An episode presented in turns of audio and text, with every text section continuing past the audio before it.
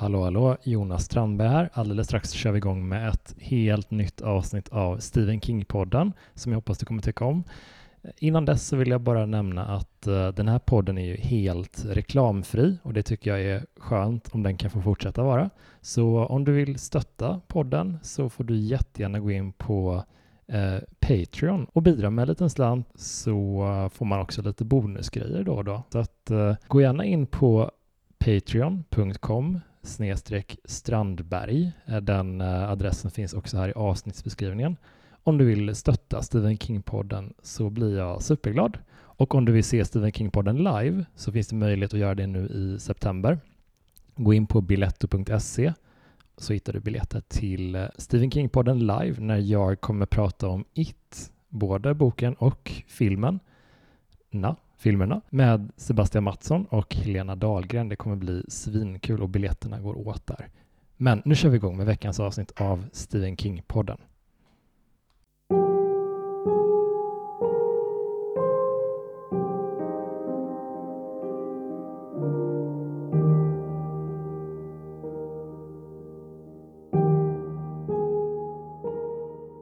Hej och välkommen till Stephen King-podden med mig Jonas Strandberg, där jag varje vecka bjuder in en gäst och så pratar vi om en av Stephen Kings väldigt många berättelser. Och den här veckan så har jag den stora äran och glädjen att uh, bjuda in en, uh, en gäst som ni har hört i ett avsnitt tidigare, och, men det är nästan ett år sedan nu. Och uh, vi pratade om djurkyrkogården och mådde skit efter det avsnittet.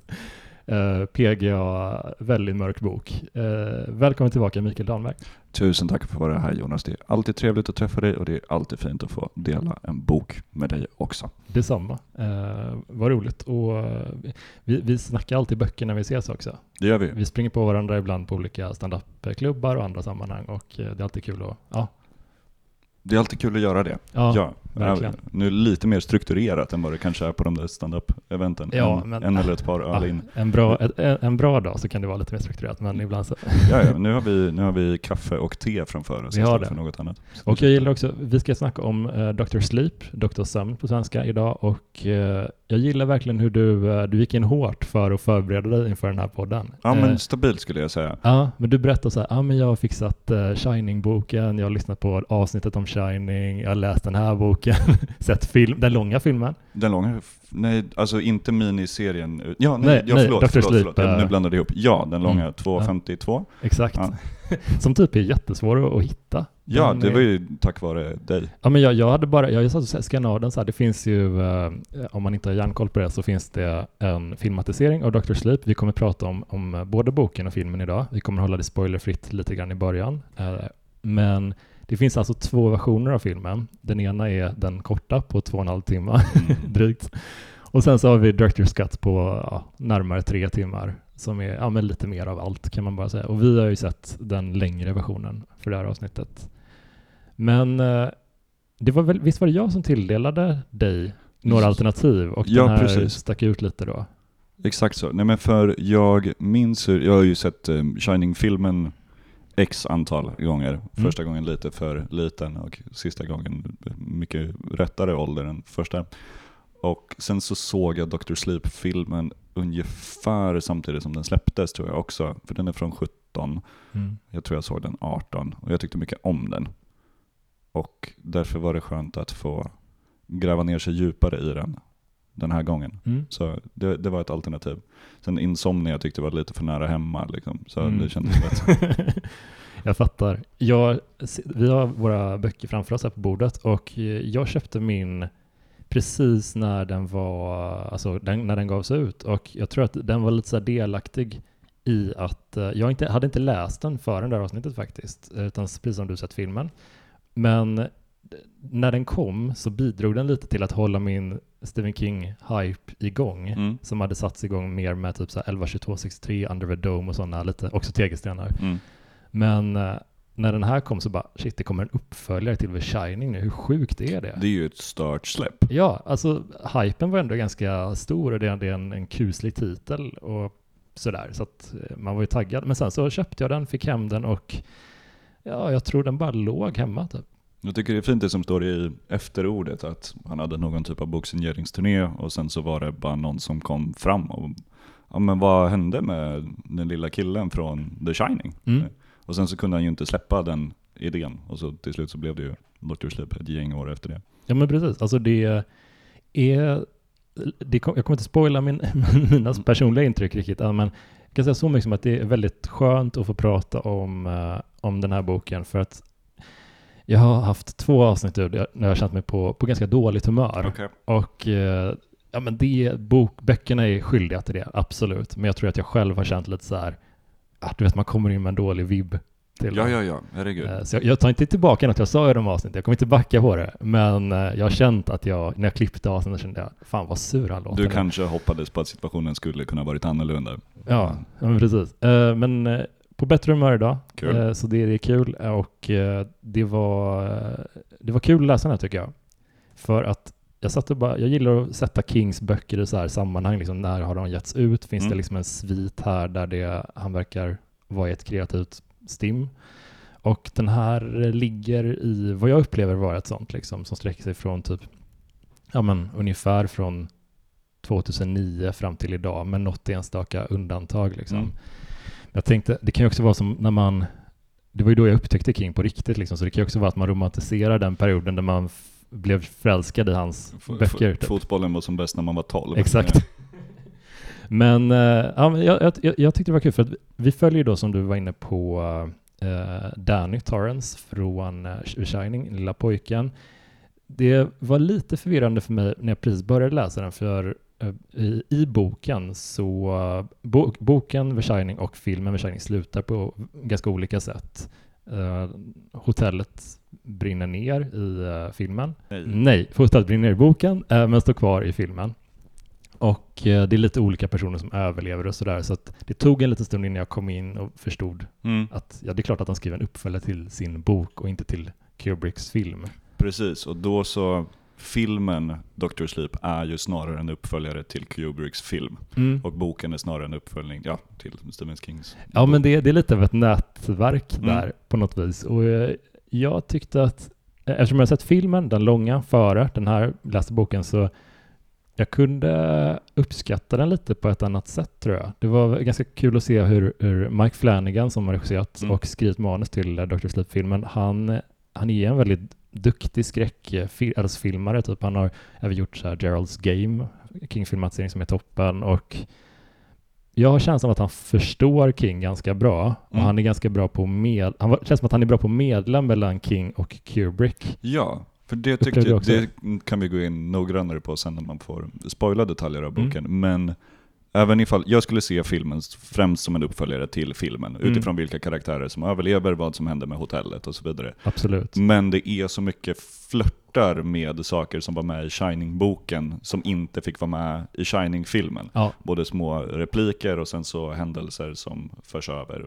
som vi kanske går in på lite tydligare senare. absolut. Eh, Jag tycker det är så intressant för att eh, Danny Torrance, han är ju liksom han är ju en överlevare från, från eh, original The Shining, men eh, han är ju också svårt traumatiserad av det och har utvecklat ett kraftigt alkoholmissbruk som han kämpar med. Och eh, vi får tidigt i boken och, och i filmen se honom på hans eh, absoluta botten. Mm. Det, det händer en grej där som gör det Alltså den är ju tidigt i boken, men jag vill helst kanske inte berätta exakt vad det är som händer, för att det, det gör att det är svårt att sympatisera lite med honom. Mm. Men jag är imponerad, för att för mig så lyckas King ändå få med mig på, som läsare på banan, även om man ser det här han, han gör i början. På ett sätt som, det är ju mycket, mycket svårare att sympatisera med Jack. Uh, Absolut, verkligen. Men det är ju lite poängen i ja, och för sig. Men, ja, men där är ju också, ursäkta parallellen, men i, jag, jag lyssnade ju på, på ditt och Cecilias avsnitt, The Shining, och det är ju mer nyanserade karaktärer i boken mm, än vad det är i filmen. I, I filmen är det ju totalt omöjligt att sympatisera med mm, Jack, skulle jag säga. Då har han jobbigt och sen spårar han ur. verkligen. Medan med den totala bakgrundshistorien, man får höra om hans lågpunkter. Mm. Sen går det att jämföra vems lågpunkt som är lägre, men, men i alla fall. Så det är ju olika karaktärer och olika porträtt av dem. Ja men verkligen och eh, en intressant detalj tycker jag är att vi följer tre, det är tre spår samt som parallellkörs här och en grej jag upplevde med till exempel eh, Drömfångare, som om man lyssnar på de avsnitten i ordning så är det förra avsnittet. Det, där kände jag att King inte hade någon som helst koll på alla plottrådar utan mm. han tappade bollen väldigt tidigt där.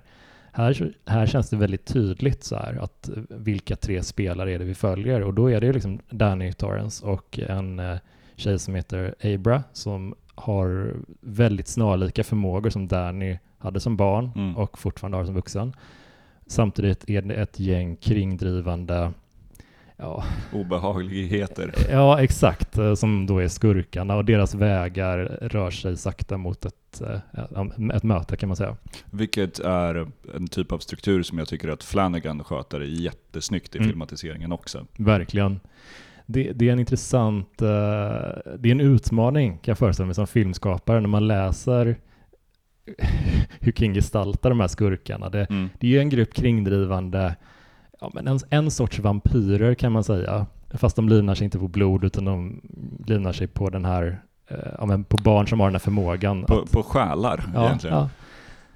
ja, precis. Och jag läste det och kände att i en, i en mindre kapabel filmskapare mm. sänder så skulle det här bli skitlöjligt verkligen. Det skulle kunna vara ganska korkat. Ja, exakt. Alltså, men, men så ser man, det finns en scen i uh, filmen som också finns med i boken, men i filmen så jag kunde typ inte titta på Vi den. Du tänker på baseballpojken? Ja. Herregud. Det var det värsta jag sett. Aj, aj, aj, alltså den är så, så lång. Jag, så, jag såg klart filmen igår ja. natt. Den är så, så lång den scenen. Ja, nej, ja, nej det, var, det var fruktansvärt faktiskt. Men, men jag är lite chockad för att det, i och med att det är en så samtida, den är tio år gammal boken i och för sig, men den är ganska samtida King typ och han är ändå betydligt hårdare som skräckberättare än vad väldigt många andra moderna är, i, även i sin höga ålder. Mm. Kollar man på typ så här, äh, fan, uh, Conjuring, Insidious och sådär, det är klart att barn är i farozonen. Mm. Men det är inte alls på det sättet som, kolla på It Chapter 1 när eh, Georgie får ja, ja. armen avbiten det, och, det och skriker och smärta. Det är fruktansvärt. Det, det, är ju läskigare än när pojken i Insidious kanske rör sig bort i demonvärlden. Ja, och, och kanske ligger i koma. Ja. Han, han, är inte död, men han är, han är inte, inte det är så jag, så, jag såg Insidious förra veckan faktiskt. Det var ju lite läskigt. Ja, ja, men, ja, men jag tycker de har sin charm, men, men han det känns som att de alltid håller tillbaka lite, mm. lite och när, när man gör en sån här scen i It så tidigt i filmen, det, då känns det som att han, han, vad som helst kan hända. Ja, nu han, är det på riktigt. Han skäms inte för någonting. Nej, nej, nej, nej. Men jag tycker väldigt mycket om det. Och uh, det är ju väldigt intressant att följa uh, hur uh, Danny, han följer, de bygger ganska mycket på det här eh, Anonyma Alkoholister-programmet, mm. eh, tolvstegsprogrammet, eh, om botgöring och sådana grejer. Och jag tycker det är så intressant att ha skuldfrågan sådär, den här skuldkänslan som Danny bär på väldigt ordentligt, alltså som en sån effektiv motor. Mm. Och jag är inte helt säker på att det är en dålig motor att ha i sitt liv. Att det, det är klart att man, ja, men jag tror att folk behöver skämmas lite mer för grejer. Även så här vardagsgrejer. Det, det tror jag skulle göra folk till lite bättre människor. Ja, lagom. Ja, men var lite, skam. Ja, men lite jag, jag tror du skulle säga att skam är min främsta motor. Ja, men ha, ha, ett, ha ett kryddmått med skam. Ja, ja, lite, lite mindre. Jag kan dela med mig. Nej, men så, så det tycker jag är jättespännande. Jag var väldigt förtjust i... Och då förlåt för avbrottet, men jag har inte gjort lika grejer som Dan. Nej, nej alltså, okej. Det... Där kan du. Nej, nej, nej. du frånsäger dig. Men jag gillar uh, uh, serietecknaren, eller berätt, författaren Ed Brubaker. Jag är lite osäker på vad man tecknar eller skriver. Men han har gjort en jätte, jättebra uh, Daredevil-serie mm. som är typ min absoluta favorit och han är så här det, det, det bygger väldigt mycket på för Matt Murdock som är Daredevil, han är, han är katolik och bär på väldigt mycket, ja men klassisk katolsk skuld typ. Mm. Och de väver in det väldigt bra i den berättelsen. Och jag tycker det, det påminner ganska mycket om det här angreppssättet. Att varför ska Danny egentligen, för det visar sig snart att Abra är utsatt för ett hot och hon kan liksom kommunicera, hon kan känna av de här människorna med sin oerhört starka förmåga. Så Danny får lite, ja men, rycka upp sig och, och verkligen, det han är den enda som kan hjälpa henne. Han kan inte dra sig undan eh, för att ingen annan kommer ta hand om det här då. Nej, Och där tycker jag det är lite olika mellan, mellan filmen och boken. För jag skulle ändå säga att bo boken har större fokus på både hans och på Jacks missbruk Mm. och alkoholism än vad filmen har. I Mm. filmen är det ett element, men det är, det är enstaka scener snarare än en återkommande tanke. Mm. Och det som får honom att gå över gränsen, den rätta gränsen och hjälpa Abra i filmen är ju snarare samtalet med kocken Dick Halloran. Dick Halloran, tack så Mm. mycket. Mm. För där blir det liksom någon typ av över... Ja, men jag håller, jag håller med. Jag tycker det är så intressant att se hur han blir, eh, han blir den som, som barn, som utsatt barn, så fanns det en annan vuxen person som hjälpte honom och guidade Mm. honom. Och nu får han bli den vuxna personen. Mm. Det, det, det är ett sorts, sorts återbetalning av, av en skuld nästan. Men verkligen. Eh, det tycker jag är jättefint. Det finns en intressant skillnad mellan filmen och boken. Vi kommer gå in på många av dem säkert. Men en som jag reagerade väldigt mycket på var att i eh, filmen så nämns hastigt att Jack faktiskt sökte hjälp hos anonyma alkoholister. Ja, eh, och fem månader skulle han då ha gått hos AA i filmen. Men i boken är det ju en jätteviktig återkommande tanke hos Danny att Mm. tänk ifall farsan sökte hjälp. Ja, och för det gjorde han inte. Och Det det, är det stora steget som Danny... Jag tycker det sättet de skildrar det på i filmen funkar absolut för Mm. mig. Men, men jag tycker in- en intressantare skillnad att det är så tydl- mycket tydligare. Mm. Vad skiljer dem åt? Ja, men han försöker göra någonting åt det. Det försökte typ inte Jack. Och det känns ju mer trovärdigt för en man i, i Jacks generation att inte söka hjälp på det Absolut. sättet. Utan bara, jag löser det här på egen hand. Eh, så att... eh, Ja, men det här tycker jag, jag tycker väl, det känns som att man kommer väldigt nära Kings egna känslor kring alkohol och missbruk på något sätt. Att han, han har nog utgått rätt mycket från sitt eg, sina Mm. egna vanor och sina, sitt eget beteende här. Och ja men, jag tänker också att det har ju skrivits en del om hur eh, King och hans fru Tabitha, hur de eh, jobbar mycket med socialt arbete och Mm. donerar mycket pengar för olika verksamheter i sin hemort och sådär. Och utan att göra en större grej av det, utan det är mer att andra råkar uppmärksamma det. Typ. Och jag har tänkt på, har att göra med den här, det är inte min ursprungliga idé, jag har snott den lite från, jag gästade en podd som heter Vargtimmen, där, men jag har inte kunnat sluta tänka på den här idén, att King själv som gammal missbrukare, alkoholist, har ändå en grundmurad känsla av att vilja, av botgöring. Typ. Mm. Och jag tror att det finns någonting i det, att han känner att jag har mycket pengar, jag är rik, då måste jag använda det på ett sätt som kan ska göra världen lite bättre kanske. Det får man ju nästan hoppas. Mm. Ja, men det känns lite så på något sätt. Men vad tycker du om eh, våra skurkar i den här berättelsen? Jag tycker om våra skurkar. Mm. Jag tycker jättemycket om våra skurkar. Jag tycker att i princip den bästa scenen i hela filmen är öppningsscenen. Mm. Med Rose the Hats Mm. Diskussion och sen så när de bara dyker upp. Ja. En. Det är så Efter- obehagligt. Det är så jävla obehagligt. Och då sätts det som tema att vi kommer kolla på någon slags skräckfilm. Mm. För det här är skitläskigt. Jag älskar det för att det, scenen eh, som öppnar hela filmen är eh, en flicka som är, eh, springer ut i skogen en bit från sitt hem och eh, plockar blommor typ. Och då ser hon eh, Rose the Hat, eh, hennes ryggtavla liksom, som sitter vid, vid eh, en bit bort. Och eh, Rose har en bukett med jättevackra spännande blommor som hon räcker fram då till den här flickan Violet. Och eh, när hon, den här tjejen, hon närmar sig och ska ta en av blommorna då, jag älskar den lilla detaljen, som jag, jag ska till och med ner den för att komma Mm. ihåg den, att Rose då drar lite tillbaka Ja. sin arm som, för att få henne att komma närmre. Det är en sån riktig rovdjursgrej, alltså Mm. som, jag vet inte om det var Rebecca Ferguson som spelar Rose, hon är skitbra i den rollen. Jag alltså jag är Rebecca Ferguson. fan av henne alltså. Vet du vad jag ska göra på lördag? Jag ska se nya Mission Impossible-filmer. Nej, hon är så bra i dem. Ja. Hon är toppen. Alltså, jag älskar den här slow burner Ja. karriären. Att hon bara, fan nu är du med i fyra Mission Impossible-filmer och i en Stephen King. Hon, du är typ djävulen i Stephen King nu.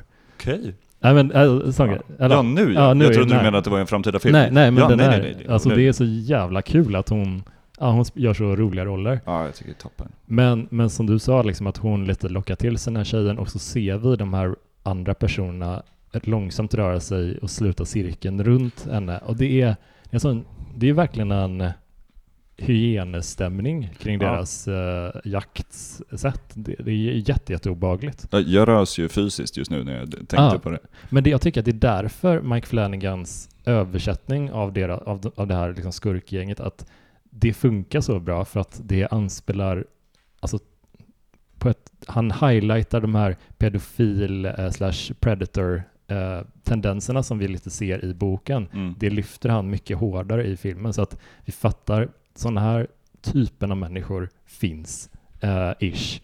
De här råkar ha en, vara lite övernaturliga, men vi kan ändå liksom se det i våran värld på något sätt.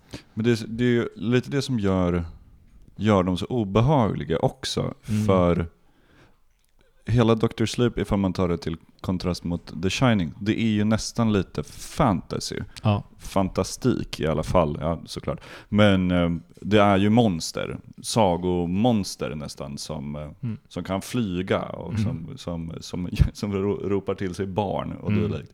Och de är ju också lite flamsiga Mm. när man liksom följer scenerna när de men de har töntiga namn. Ja, Rose the Hat och Crow Barry the Daddy. och Crow Daddy. eh, och det känns nästan lite... Och, och då i kontrast med att de faktiskt rövar bort och äter barn. Ja. Destroyer of worlds and eater of children. Liksom. Men, Nej men verkligen, och, jag tänker att vi kan... eh, det, jag tycker så här att innan vi går in i spoilerterritorium så tycker jag att man borde lyfta den här boken eh, och att jag tyckte väldigt mycket om den som helhet. Jag tyckte jättemycket om filmen, den långa versionen och eh, känner att om man går in i den här med förväntningen att det är en uppföljare till The Shining, då de är tonmässigt väldigt olika. verkligen. Så att det måste man vara beredd på. Försök att se det här med som att, ja men ett nytt äventyr lite. Jag tycker kopplingen till Shining förstärker de, de här alkoholmissbrukare-temat som finns, men det står och faller inte riktigt med det. Det skulle gå att läsa den fristående. Ja, exakt så. Så att eh, jag, jag tycker verkligen att det här är en bok som man ska ge en ärlig chans. Och det är lite irriterande när man går in på så här Goodreads att den står som Dr. Sleep, The Shining 2. Ja, Det är känns lite billigt. dumt faktiskt. Ja, men vad, vad hade du någon så här, eh, vem skulle du rekommendera den här till om du, eh, innan vi går in i spoiler-territorium? Jag skulle nog rekommendera den till många Mm. som är sugna på att, på att läsa någonting. Det, det är en väldigt bra historia. Mm. Det, den porträtterar både mänsklighet och eh, trolldom nästintill parallellt på ett väldigt, väldigt intressant sätt. Och det är, den är inte för lång, 500-400 Mm. någonting sånt. Och den, den går att läsa fort. Mm. Och eh, ja, men den, den sätter sig. Så, Verkligen, den är ju oerhört klar, klarsint berättad tycker jag. Den, det, det, den, jag gillar verkligen när King, eh, när man känner att han har en plan, att Mm. han placerar ut spelpjäserna och sen så rör de sig mot varandra. det är en så tydlig presentation. Ja, Här har vi den. exakt. Här har vi Abraham. Han här är väldigt Rose. bra, men han är väldigt bra med, på det i uh, Mr. Mercedes också. Där det är så här, här har vi mördaren, här har vi polisen, här är någon bikaraktär. Mm. Och så drar de sig. Det är jätte, jag älskar den, det berättarsättet Ja, det är nice. jättemycket. När det i The Shining kanske är lite grumligare. Ja, Även ifall man får följa karaktär, karaktär, tanke, tanke så är också tidslinjen annorlunda. verkligen.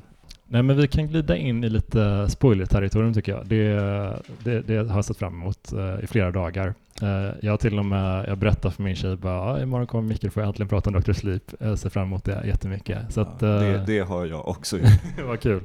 Fast, Nej, men jag- jag är så- min tjej. Ja, men det är så kul liksom att, alltså, att läsa en... Eh, jag känner lite typ att, att efter att ha läst två böcker som jag inte tyckte om alls eh, och komma till den här som var lite så här, ja men det är en uppföljare till Shining, eh, den kanske är helt okej. Men jag tyckte faktiskt riktigt mycket om den. Det fanns så, man förstod allting, eh, man hängde med hela vägen, man brydde sig om alla karaktärer, man tillbringade jättemycket tid med eh, the bad guys. Mm. Och det, så här, den är inte alls lika läskig som The Shining, tycker jag. inte. Alltså det, men man bryr sig mycket mer om typ alla karaktärer på något Mm. sätt än vad man alltså, gör i många andra böcker. Särskilt skurkarna typ. Verkligen. I- Det är lite svårt att fånga någon typ av insikt i The Shinings skurkar. Ja, alltså verkligen. Men d- vi kan ju kan vi prata lite om den här baseballscenen då, för att vi teasade lite om vad det var för någonting. Ja. Det, är ju inte speciellt många skräckiga scener i den här, vare sig boken eller filmen, men det finns en grej som är jätte, jätte obehaglig som är men typ i första tredjedelen någonstans tror jag. Mm. Och det är att eh, eh, Rose och det här obehagliga vampyrgänget, de eh, är till slut så de, de måste liksom äta ganska regelbundet för annars så börjar de åldras och när de äter så bromsar de åldrandet som vampyr-style liksom. Och då kidnappar de en pojke som är på väg från en baseballmatch och binder fast honom och eh, livnar sig på hans liksom, eh, ja, an, själ typ. Men för att göra det så måste de också skada honom fysiskt. Pain and fear purifies steam. Eh, ja, det är ett... Och det, där, i den rollen också så har de... Alltså det är en sån jävla förtjänst att de har hittat Jacob Tremblay som sen var med i den här The Room, tror jag, som blev en Oscarsbass kring. Eh, han är en sån fruktansvärt bra skådespelare. Mm. Eh, alltså en av barnstjärnorna som bara verkligen genuint begåvad. Och han, eh, han är inte med mycket alls, men han ger ju verkligen alltså tusen procent i den här Ja. scenen. Det är inte... Och den är så lång också. Ja, Den, de klipper bort från den för att de, man, han skriker iväg. Det, alltså det är en sån smärtsam scen att se. Eh, så de klipper bort från den efter en liten stund, där man, när man redan känner att okej, nu var det lite lång, länge nu, vi... Ja, så klipper de bort från det eh, till Abra, tror jag kanske. Och eh, hon har, får någon vision Mm. av det här. Och sen klipper de tillbaka. Klipper de. Ännu mer! Ja, det, var, det var inte klart. Nej, eh, och jag satt så och, och jag, jag skrev med en kompis bara, men den pågår fortfarande och var så chockad över det. Och som skräckfan, alltså man, man blir inte chockad speciellt ofta längre. Och det var en sån... Ja, men, jag känner väl verkligen att King tillsammans med Flanagan då verkligen visar vad skåpet ska stå på, det- på så sätt att man ska ju känna obehag när man ser en skräckfilm. Absolut. Man ska, alltså vi som kollar mycket eller utsätts för mycket skräck, det, man blir ju lite härdad efter ett tag. Alltså, så, här, så därför är det extra intressant att man kan bli så här chockad av Ja, nej, någonting. jag, jag tryckte verkligen in naglarna i låren och Ja. lutade mig bak från skärmen när jag kollade på det. Ja, den, den är, och det är så snyggt med den också för att de, när de har gjort den scenen, som, all- när de har spelat den scenen och den har gjort så starkt intryck, Mm. Då behöver de typ inte göra så mycket mer, utan vi har Nej. förstått vilket hot de är och vad, vilka monster de är. Och vad de är kapabla till. Ja, det känns som att King är mycket mer sofistikerad i berättandet här. Han bara, okej, vad behöver jag visa för att de, folk ska fatta vilka onda varelser det här är? Och då är väl för all del inte Violet-scenen med i boken heller. Nej, På samma den sätt är inte med. i alla fall. Nej. Jag tycker det är kul för att eh, jag såg, eh, noterade, det var bara en liten detalj, men i eftertexten att eh, hon, barnet som spelar Violet heter så också. Och hon är ju väldigt liten, Mm. eh, det, den skådespelaren. Och eh, Spelar sen i Flanagans Haunting of Hill House. Jaha, är hon med där också? För hon, jag tänker att det är så fint på något sätt av Flanagan som filmskapare att han bara, ja men du heter så. Du Mm. behöver inte ha ett annat namn. Du behöver inte låtsas att du heter något annat. Du kan tänka att det här är, ja, det, han är, det är begåvat på något Mm. sätt. Och lite obehagligt. men, eh, nej men jag tycker väl också liksom att det, är intressant att se hur King, eller hur Flanagan lite så medlar som vi touchade lite på innan mellan eh, Stephen Kings för, eh, bok och Kubricks Shining.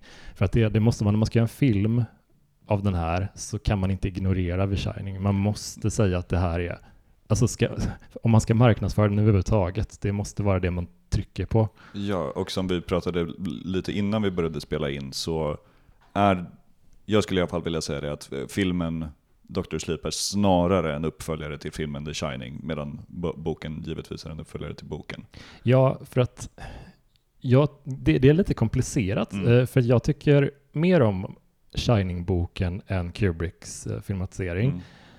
Men samtidigt, det han gör i den boken, det omöjliggör ju det klimax som Flanagan kan göra i filmatiseringen. Precis.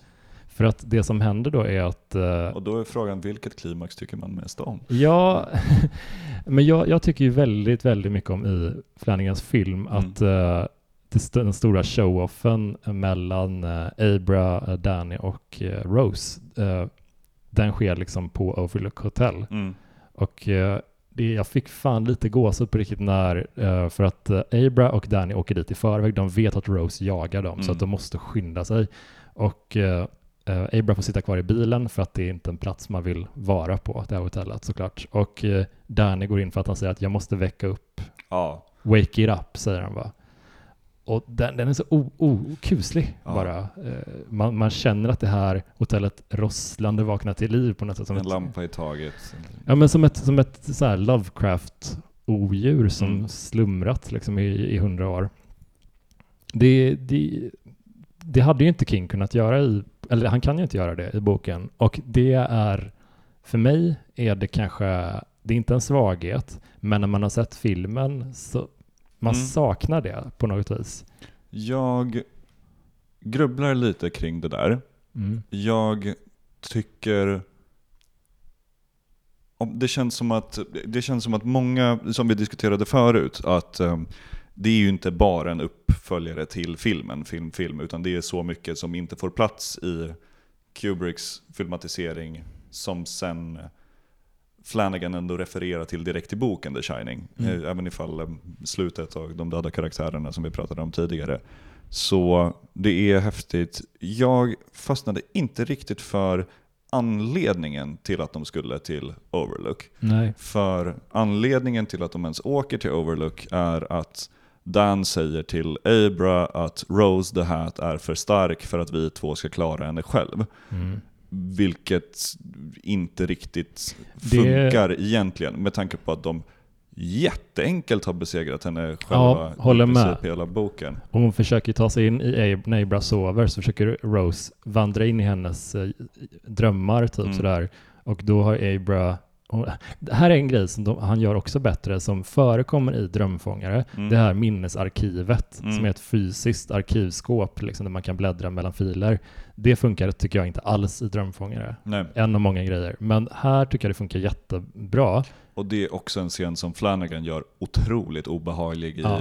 När Abra står där utan ögon Ja. och det, det verkligen köttiga när eh, Rose ska slita ur sin hand när hon är fångad i det här arkivet. Och Ja. benen syns. För hon, hon vill liksom bläddra bland Mm. Abras minnen och Mm. intryck och så slår den här Abra har gillrat den här fällan Ja. för inkräktare och jag tycker det är så sofistikerat Mm. och man kan ändå se den här Anakin Skywalker eh, vad ska man säga, aspekten av det att Mm. man kanske måste hålla ett öga på Abra för att annars så kanske hon kan bli något som man inte vill ha att göra med. Absolut, och det vore ju kul ifall, ifall King lever i, i, i 40 år till, att få se vad som hände med Nej. Abra Stone, tänker jag. Eh, Verkligen. Ja, precis. Det var jätteobehagligt och just därför att det, ja visst, Rose tar extra steam för att slåss mot dem i slutet, men ja, i, i boken så går det ju ganska bra Mm. och då ska de ju dessutom slåss mot kanske 40 knots till. Ja, för ja, det är en scen som jag tyckte om i eh, filmen, eh, som kanske delar folk lite. Det är en väldigt actionspäckad scen. Mm. Men uh, Danny och hans eh, AA-kompis som har hjälpt honom med lä- lägenhet och sådana grejer. Billy Freeman. Just det, de teamar upp, de åker med varsitt jaktgevär Mm. ut i skogen, lägger sig i bakhåll och eh, plockar av eh, de här banditerna en efter Mm. en. Och jag tyckte det var en ganska tillfredsställande scen för att man fick ändå se hur ont det gjorde i Rose Mm. varje gång någon av hennes, för de kallas också för True Not, Mm. vilket liksom mm, så här sektigt namn. Och det känns som att de ändå är själsligt sammanfogade. Mm. De äter ju samma själar och sådana grejer. Så att eh, det gjorde nog fysiskt ont för henne att känna att det här var en del av mig som rycktes bort nu. Mm. Men det skedde ju också väldigt enkelt. Alltså de sköts ju, inte med silverkulor, inte med någon arm. Det var helt vanliga jaktgevär som de verkar gå att döda. Och Ja. Ett par av dem såg ut att vara äldre än vad Rose var. Så Mm. jag, jag kan inte riktigt... jag förstår om hon är ledaren också sådär, men alltså om, om man lyckas plocka av såväl yngre som äldre medlemmar i den här sekten, det borde gå att plocka Rose också. Ja, jag förstår vad du menar. Eh, Jag skulle säga att skillnaden där är, det, det, det är det som, som är temat, och det som hela gruppen True Not eh, faller för, Mm. faller på, hybris. Mm. All, allting handlar om hybris, klassisk grekisk hybris. liksom. De tror att de är gudar Mm. i princip. Och i, i boken blir det ännu tydligare i den här scenen som du precis beskrev, för där blir de ju också avplockade med jaktgevär. I filmen så har de med sig egna pistoler. Mm. I boken har de inte med sig egna pistoler. Och där står det explicit att de inte är vana vid att deras byte kämpar tillbaka. Ja, Så de har med sig en bedövningspistol typ. Eh. För de är vana vid att jaga barn som de redan har lurat och övertalar och sen så tar de de här barnen och så äter de deras själar. Mm. På 3000 år som Grandpa Flick verkar ha levt i, i, i filmen i alla fall. Ja, just det. De refererar ju till att han har sett gladiatorer. I Rom liksom. Du har så- ätit påvar och, och kejsare. Men är det inte han, Carol Stroiken, som spelar honom? Den där underbara skådespelaren som, han har ju någon typ av eh, fysisk, eh, det är någonting, han har väldigt, han, han, dels är han väldigt, väldigt lång, Mm. men han har också så här jättestor näsa, stora öron. Han, jag tror att det är han som spelar eh, en väldigt obehaglig figur, också i Gerald's Game, som då också Flanagan har regisserat. Så han är, jag blir alltid glad av att se honom. Mm. Tycker han är, hans, jag älskar folk som ser spännande ut. Ja men verkligen. Eh, Han är toppen. Um, nej men, ja, jag vet inte. Det finns ju också någonting i boken att, för att de har ju, de har ett antal så här, um, bosättningar, Mm. den, här, den här gruppen, The True Not. Och en av dem är på platsen där Overlook Hotel en gång låg. Mm. Och det finns ju en stor förtjänst i boken tycker jag, att den platsen fortfarande har någonting mörkt över sig. Mm. Eh, Hotellet har funnits där, men det, det spelar ingen roll. Marken den- är rutten fortfarande. Den kommenterar ju att det är lite ironiskt med att förmodligen onda krafter drar sig till varandra på Mm. det sättet. Mm. Vilket däremot är en kontrast i filmen, Mm. där han säger att vi kommer inte kunna besegra henne själva, Mm. men det här onda hotellet kommer säkert vilja äta upp Ja. henne, för onda varelser ska inte dras till varandra. Eller något i den stilen. Ja, just det. Nu blev det lite misslyckat, men det, det, det Nej, är men jag fattar. Eh, och det är också intressant hur King, det här är eh, säkert mycket mer än så, men jag, jag reagerade även på det i eh, när jag och Helena Dahlgren pratade om Jerusalems eh, lott, Mm. som är en novell som kom efter Salems lott, men och utspelar sig typ hundra år innan eller något sånt där. Och där styrker King också att det är platsen som har någonting som Mm. drar folk, kanske som djurkyrkogården också. Som djurkyrkogården. Och det, det är intressant att det är något ursprungligt i det där, att människor, det påverkar människor på olika sätt, men den, den påverkar alla, Mm. eh, definitivt sådär. Men, eh, Och bara en till grej där med, jag tänkte med att eh, vinna över Rose. Hon är ju också dock förberedd på att det här kommer bli en kamp. mm, även ifall hon också påvisar sin arrogans och kontinuerligt underskattar Abra. mm, Hon vet ju både då i boken och filmen att de kommer komma och attackera. mm, Medan de som, eh, nej, de- som i True Not med Andy, Snakebite, Snakeback Andy och det. resten, när de attackerar vilka de tror är Abra, mm, så går de ju in med en helt annan inställning. mm, De har hört att hon är farlig, ja, men har inte riktigt greppat. Exakt. Rose har ju stenkoll, eftersom att de har dödat alla hennes kompisar. ja, Fem av dem i alla fall. mm. ja men verkligen, den är ju jätteintressant den känslan som, som jag tycker att Rebecca Ferguson verkligen är bra på att gestalta. Det känns som att hon är äntligen lite så här, hon är lite triggad över att nu har jag en, en värdig motståndare. Mm. som jag kan få, det här är en kamp på riktigt. Mm. Jag är lite, det här är hon inte van vid. Hon har som du sagt bara gett sig på helt försvarslösa barn och nu är det plötsligt någon som äntligen spjärnar emot och, och ger, igen typ. Det tycker jag också är en grej som, som boken gör snyggt. Eh, deras motivation till att fortsätta jaga Abra porträtteras kraftfullare i boken Mm. eh, och, och också lite mer logiskt i brist på bättre uttryck. För i filmen så är det, de vill ha Abra Mm. för hon har mycket stil. Mm. Uh, visst, det finns också den här att Rose är arg på henne, men det blir också ännu tydligare i boken skulle jag säga. Mm. Men i boken så, efter att de har dödat baseballpojken, Mm. så visar det sig att de i sin långvariga arrogans är ovaccinerade mot mässling. Det är så roligt. Det är så kul, och det är så kul att de, egentligen, att de ännu en gång faller på någonting så banalt och enkelt. Ja. Och det är, när alla liksom långsamt dör i den här mässlingen, Mm. så blir det ett totalt krav på att de måste ha Abra. Mm. De måste ha Abra för att överleva. Mm. Det räcker inte med något annat barn för att hålla sig vid liv, Nej. utan de måste ha Abra för att kunna bota sig själva. Mm.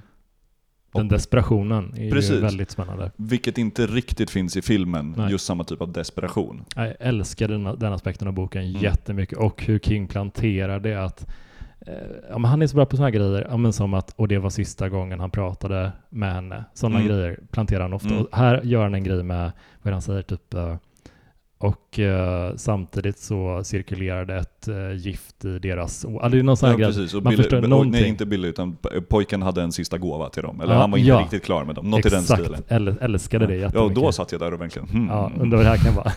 För det kommer jag inte ihåg ur filmen när jag hade sett den första gången. För det fanns ju inte heller med i filmen. Nej, nej men precis. Eh, jag älskar sådana här små, små blinkningar till Mm. andra King-verk. Så att, eh, en grej jag noterade var Abras favoritpojkband uh, som namedroppas lite grann i Mm. precis början. Eh, Round Here heter de. Eh, det är också det bandet som i eh, Mr. Mercedes när de ska gå på konsert i slutet och Mercedes-mördaren ska försöka göra sitt sista attentat. Mm. Det är på en Round Here-konsert. Det är kul. De utspelar sig 2013 typ båda två också. Mm. Så det känns som att så här, perfekt att ja, men det året var de svinheta. Det, är- var One Direction då. Det är faktiskt väldigt kul. ja men det, det är härligt tycker jag. Och eh, just det. Ja, eh, en grej som de åtminstone lyfter jättebra i filmen är när Rose eh, the Hat, hon säger eh, de liksom eh, har ett rådslag lite med de andra medlemmarna, framförallt Crow Daddy, eh, när hennes eh, kärlekspartner typ. Och gud vad Crow Daddy är en bra karaktär i filmen. Alltså så himla bra. ja. jag tycker jättemycket om honom. Han är ju Vilken- verkligen så vilken här, han är, han är också att han är så, han är medveten om att han är underlägsen henne, Mm. men behandlar det på ett sånt värdigt sätt. Mm. Jag tycker det är jättemycket om deras märkliga dynamik. Ja, verkligen. men han, eh, nej men hon säger Rose då att, när de, vad ska vi göra med Abra? Ska vi göra henne till en av oss? För det, det kan de också göra, precis som vampyrer kan göra ja, sådana grejer. Men då säger Rose att vi vill inte ha någon med hennes kraft i The True Not. Mm. Och jag vet inte hur du tolkar det, men jag kände att hon är rädd för konkurrens Garanterat. jättemycket. Ingen får vara starkare än mig. Nej, nej, nej, nej. Garanterat. Vilket jag tror är lite explicit i boken också. Mm. Eh, För det, det märks ju då att, att Abraham egentligen bara kastar runt Mm. Rose hela tiden. Till och med när de kör en vid en i Mm. början. Eh, Om hon då dessutom... Sen det där tycker jag, jag skrev ner det, jag tycker det är lite oklart. Vad får man för krafter mer än ett långt liv av att bli konverterad till the true not? För jag menar, hela Snake White Andys grej är att hon är en pusher. Att Ja. hon kan övertala folk till att göra saker, oftast till att sova. Eh, Dr. Sleep. Eh, så förstärks den kraften efter? Eh, på vilket sätt skulle Abra... Ja, men det är något också hon kan innan hon blir en Precis. av vampyrerna. Exakt så. Det är jätteskumt. Det påminner ju väldigt mycket om eh, Charlies pappa i Eldfödd. Han har ju också den förmågan att knuffa folk, att pl- plantera trådar av suggestions för Mm. att få någon att göra saker. Mm. Det sker ju därför att han har blivit injicerad med någonting. Så jag, det får mig att tänka att kanske att Andys, uh, ja men de kanske har en, någon i familjen Mm. långt bak som har också varit utsatt för något sånt där. Mm. Ehm, men eh, Och där, det blir lite spretigt, men för Mm. att komma tillbaka till den där skogsscenen med skotten som Ja. vi pratade i. Där har vi en riktig obehaglighet som inte finns med i boken. Ja, den är så effektiv. Ah, alltså nu ryser jag igen. Eh, Där, har, där ser vi ju en, ehm, vad ska man säga, en övermodighet hos våra hjältar lite, Verkligen. skulle jag säga. Att för, de plockar ju av en efter en av The True Not och det är till slut bara Snakebite Andy kvar, den här unga tjejen. Och eh, hon, hon blir skjut, hon håller på att, eh, Cycla. Ja precis, hon har Danny nere liksom. och eh, han räddas av Billy Freeman som skjuter henne typ i axeln Mm. och sen ett skott till så hon faller ner. Sen närmar han sig henne och när hon ligger ner och ska precis avlossa ett skott till och eh, då man ser hur hon ruttnar bort för det gör hon när hon dör. Det är liksom som att hon pulveris som i Mm. Buffy the Vampire Mm. nästan. Hon håller på att pulveriseras men precis innan hon helt har blivit så disintegrerad så väser hon fram eh, kill yourself och då skjuter han sig själv i huvudet. Direkt. Och då är det bara Danny kvar. Ja.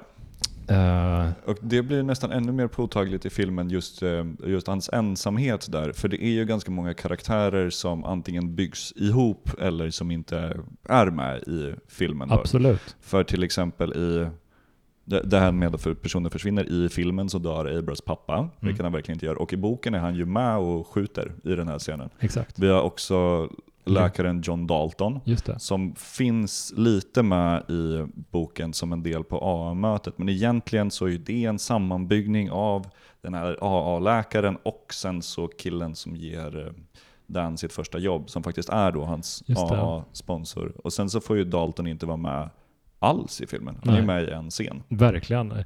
Även eh, Lucy, eh, som väl är Abras mamma. Mm.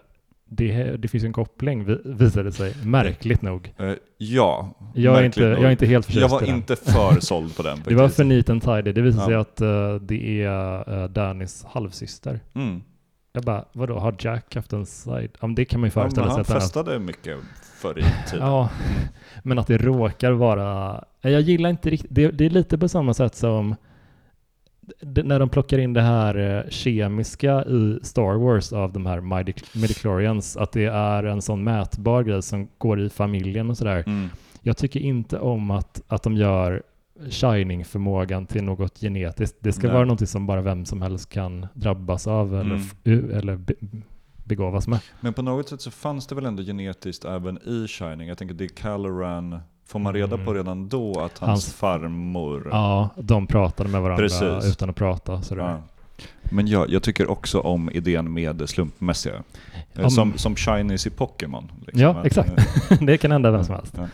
Vi har ju inte ens nämnt varför boken heter Dr. Sleep och det är en av mina favoritaspekter eh, både i boken och i filmen faktiskt. Mm. Det är ju så att eh, Danny arbetar på ett eh, hospice där folk eh, ja, tillbringar sina sista, eh, sin sista tid i livet. Och det han gör där är att han, eh, när han märker att någon har en stark dödsskräck och att de är nära, då, då sitter han med dem och får dem lugna Mm. och pratar med dem och använder sina krafter till något, ja men botgöring helt Mm. enkelt. Att, att ge dem en trygg sista stund, övergång till döden. Jättesorgset tycker jag, men också otroligt vackert på många sätt. Jättefint. Och jag tycker att de, de döende har så bra saker att säga om döden. Mm. Också om sin, om sin rädsla, sin förväntan och så vidare. För det är, den tyckte jag var extremt drabbande. För jag, jag är inte en, en stor fantast av döden och ser väldigt lite fram emot den. Eh, för, för alla inblandade. Så det är någon som säger att eh, jag är inte rädd för helvetet. För att jag har levt ett bra liv. Mm. Eh, Det jag är rädd för är ingenting. I, Mm. innan vi fanns så fanns ingenting. Mm. Eh, Efter vi fanns, vad händer då? Mm. Och då så dans samtal som verkligen lugnar ner honom. Och sen så blir det ju också någon typ av sanning både i filmen Mm. och boken. Att det finns ett liv efter döden. Mm. Vi försvinner ingenstans. Vilket vi också då kan se i, i djurkyrkogården för att gå tillbaka. När folk Mm. dör och kommer tillbaka så har de sett någonting. Mm. Eh, visserligen så har alla som kommer tillbaka sett helvetet. Mm. Så här, eh, mer, som verkar, verkar finnas då. Oj, Osis. Det är så, du borde läsa ehm, Revival eh, som är kanske hans, ja, men hans näst mörkaste, beror lite, Mm. lite på hur man är lagd sådär. Men där är mycket efter döden eh, referenser i den. Mm. Alltså vad, vad finns på andra sidan och sådär. Det är det, mycket det som utforskas där också. Och där finns det en... Vi, vi pratade om skillnaden i filmens klimax och, eh, och bokens klimax.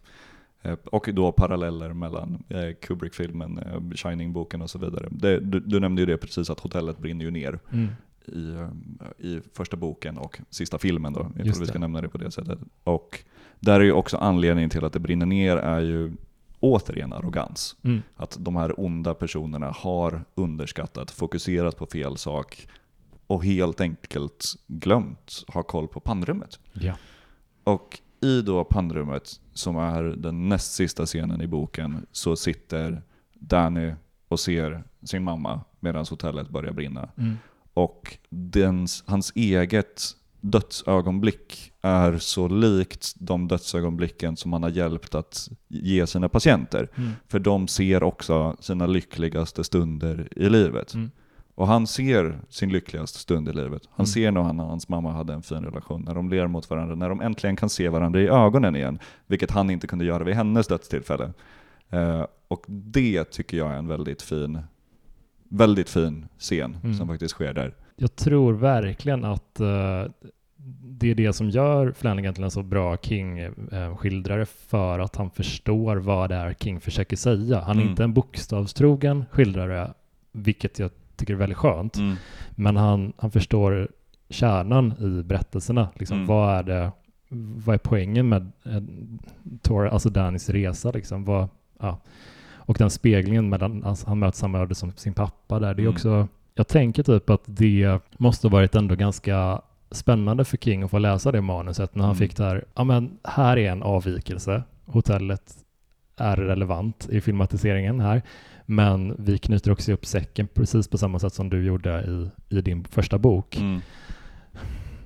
Ja, men han känns så o- oerhört uh, påläst på ett uh, empatiskt sätt, Mm. Flanagan, skulle jag säga. Det känns som att han verkligen fattar poängen med Kings berättelser.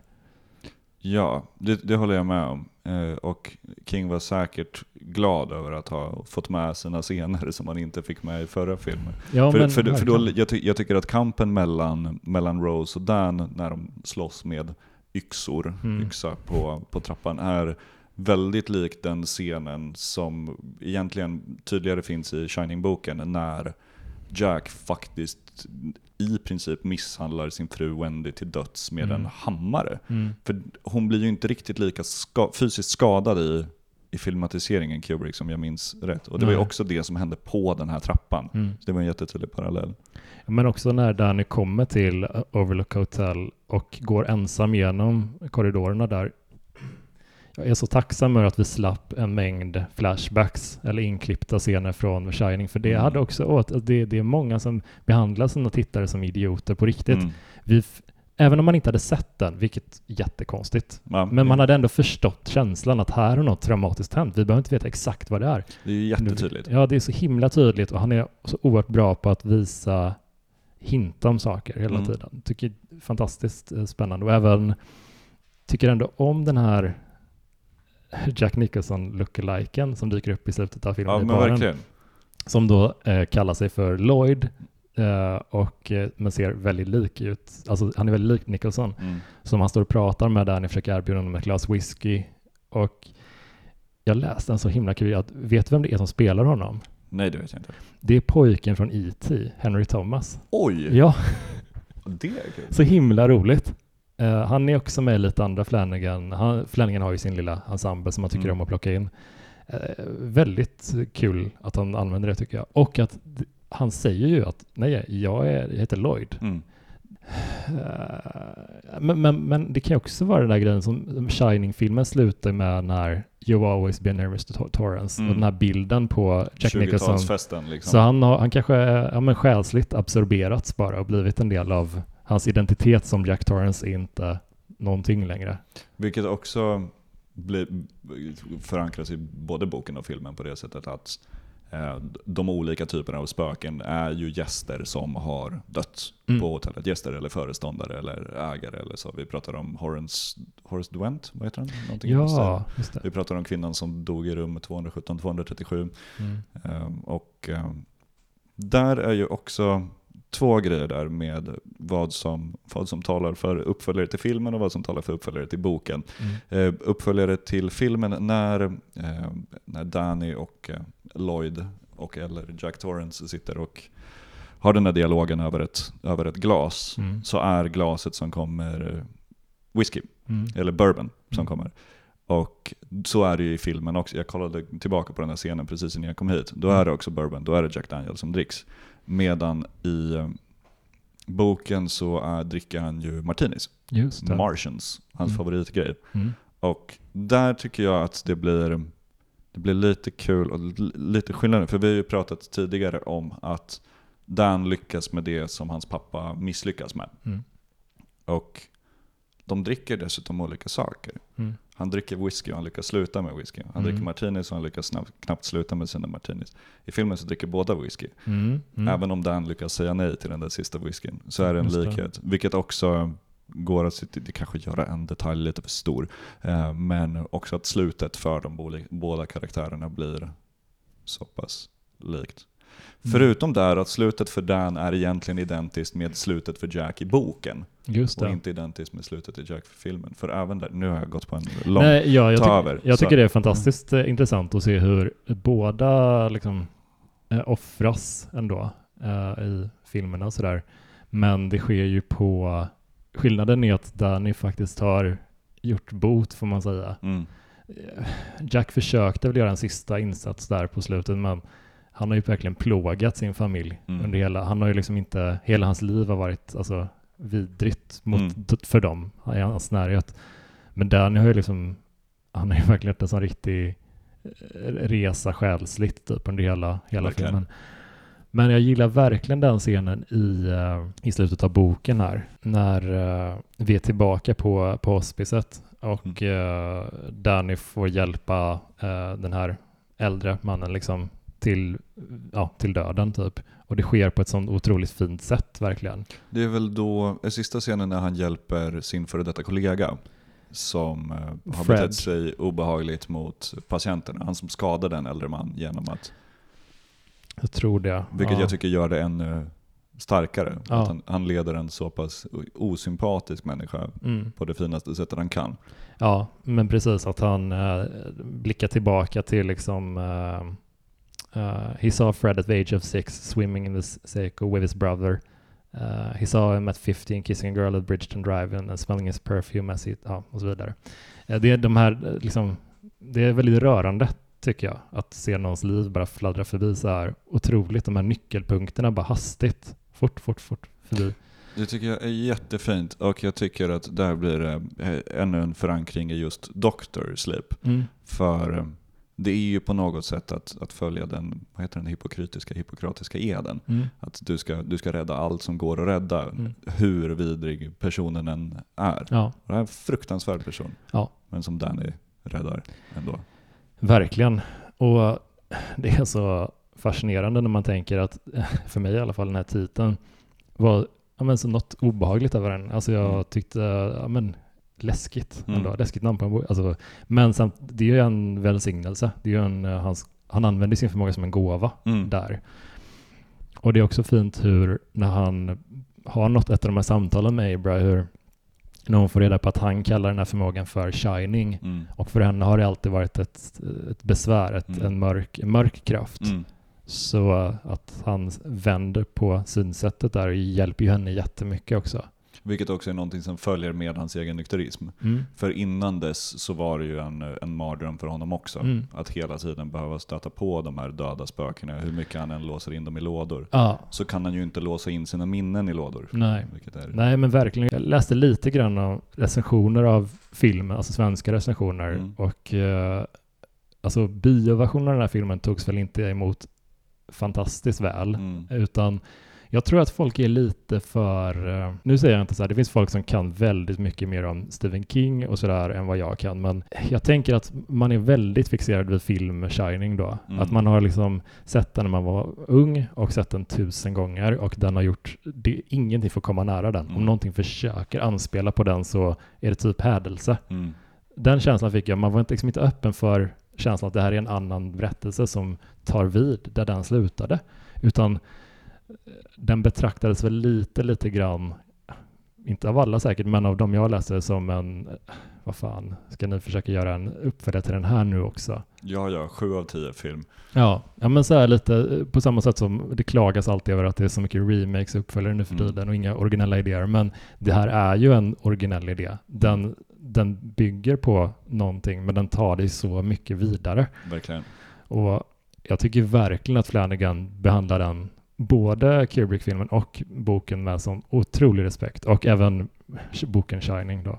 Garanterat. Eh, så att det fanns några sådana små, små han, är en, han har ju köpt rättigheterna till Dark Tower-serien nu också. Så nu kommer det bli något bättre av den kanske? Ja, alltså man vet aldrig förrän det är inte klart förrän det är klart och Nej, nej, sådär. nej, Men nej, han, inte. han, har, han har i alla fall köpt rättigheterna och det, den här är uh, sprängfull med små Dark Tower-referenser som Flanagan bara har skrivit in och som gör att om han får rättigheterna och gör en, en eller flera filmer så kommer han liksom kunna parallella, alltså så här. Han eh, kommer vara så himla nöjd över att han gjorde det. Ja, till exempel den här, om det är bussen eller tåget här, eh, är döpt till TET Transit. Och TET Corporation är ett företag som bildas i Dark Tower av Mm. våra hjältar. Ehm, de är entreprenörer tydligen. Och eh, sen när Snakebite Andy kommer ut från biografen, Mm. då en, de, visst är det den här Det är Casablanca de Casablanca, just det. Men på en av affischerna så står det, kan man säga att det står Dandelo och det är en Mm. typ av demon som förekommer i Dark Tower. Okej. Eh, och även nu Dick Hall- Halloran säger Ka is a wheel. Mm. Uh, Ka är ju typ så här ödet eller livs, eh, ja Mm. kan man säga. Eh, det är en, en sägning som återkommer hela tiden, Mm. att allt är cirkulärt. Typ. Och siffran 19 som är också väldigt central i King-världen eh, ser man bland annat på Bradley, eller heter han Brad, den här baseballpojkens handske. Mm. Det är också så här små, små kryddor som gör att ja, men, både liksom, alltså riktiga King-nördar tror jag ver- verkligen uppskattar den här filmen faktiskt. För att han, det är inte bara billig fanservice, det är inte, det är inte så att man måste ha sett allting för att fatta, men det är små detaljer som visar att han har läst det här, han har koll. Det är lugnt. Det är kul. Man blir, man blir ju glad av sånt. Ja, för att jag tror att folk, när folk ser King eh, filmatiseringar och blir irriterade Mm. så är det väl lite av känslan att det, det är någon som inte har man behöver inte följa källmaterialet slaviskt. Alltså, jag tycker jättemycket om när man tar sig friheter. Men det är skönt att känna att den personen har koll. Bara, och, och, eller liksom har en grundkärlek för det han ska, hon ska tolka typ. Eh, Som, Peter Jackson och alla Mm. inblandade med eh, 100%. ringen-trilogin. Alltså verkligen. Det är inte en dålig idé att de klipper Tom Bombadil, Nej. liksom. men Nej. man förstår varför de klipper Tom Bombadil. Absolut. Men, nej, men jag, jag, jag var väldigt positivt överraskad av, av boken faktiskt. Och det var väldigt kul att se om filmen. Den, den är ju, eh, om man inte har sett den utan bara sett bioversionen så stora skillnaden är väl liksom att ja, men scenerna är ju längre. Det är inte sådär jättemånga nya exklusiva scener utan och att den är uppdelad i eh, sex kapitel också. Mm. Vilket jag tycker funkar ganska bra. Det Jag känns- tycker det är ganska snyggt. Mm. Men eh, ja. Ja, det kanske Det kanske där. stänga boken där. Ja. Eller har du, har du något som du kommer på som vi har missat? Eh, Nej, jag skulle nog inte säga det. Det var jättetrevligt att få vara här igen. Ja men så verkligen. kul. Eh, och en, en väldigt underskattad bok skulle jag säga. Som man verkligen borde, som sagt, ta en titt på. Ehm, ja men fortsätt gärna diskussionen och uh, snacka om filmen och eh, boken i uh, Facebookgruppen Stephen King-podden Eftersnack. Så, så hörs vi där. Och du får jättegärna komma tillbaka snart igen Micke. Jag uppskattar det. Jättefint. Det gör jag Ja, det hemskt gärna. Kul. Eh, tack för att du gästade och eh, tack för att ni har lyssnat. Tack själva. Hej då.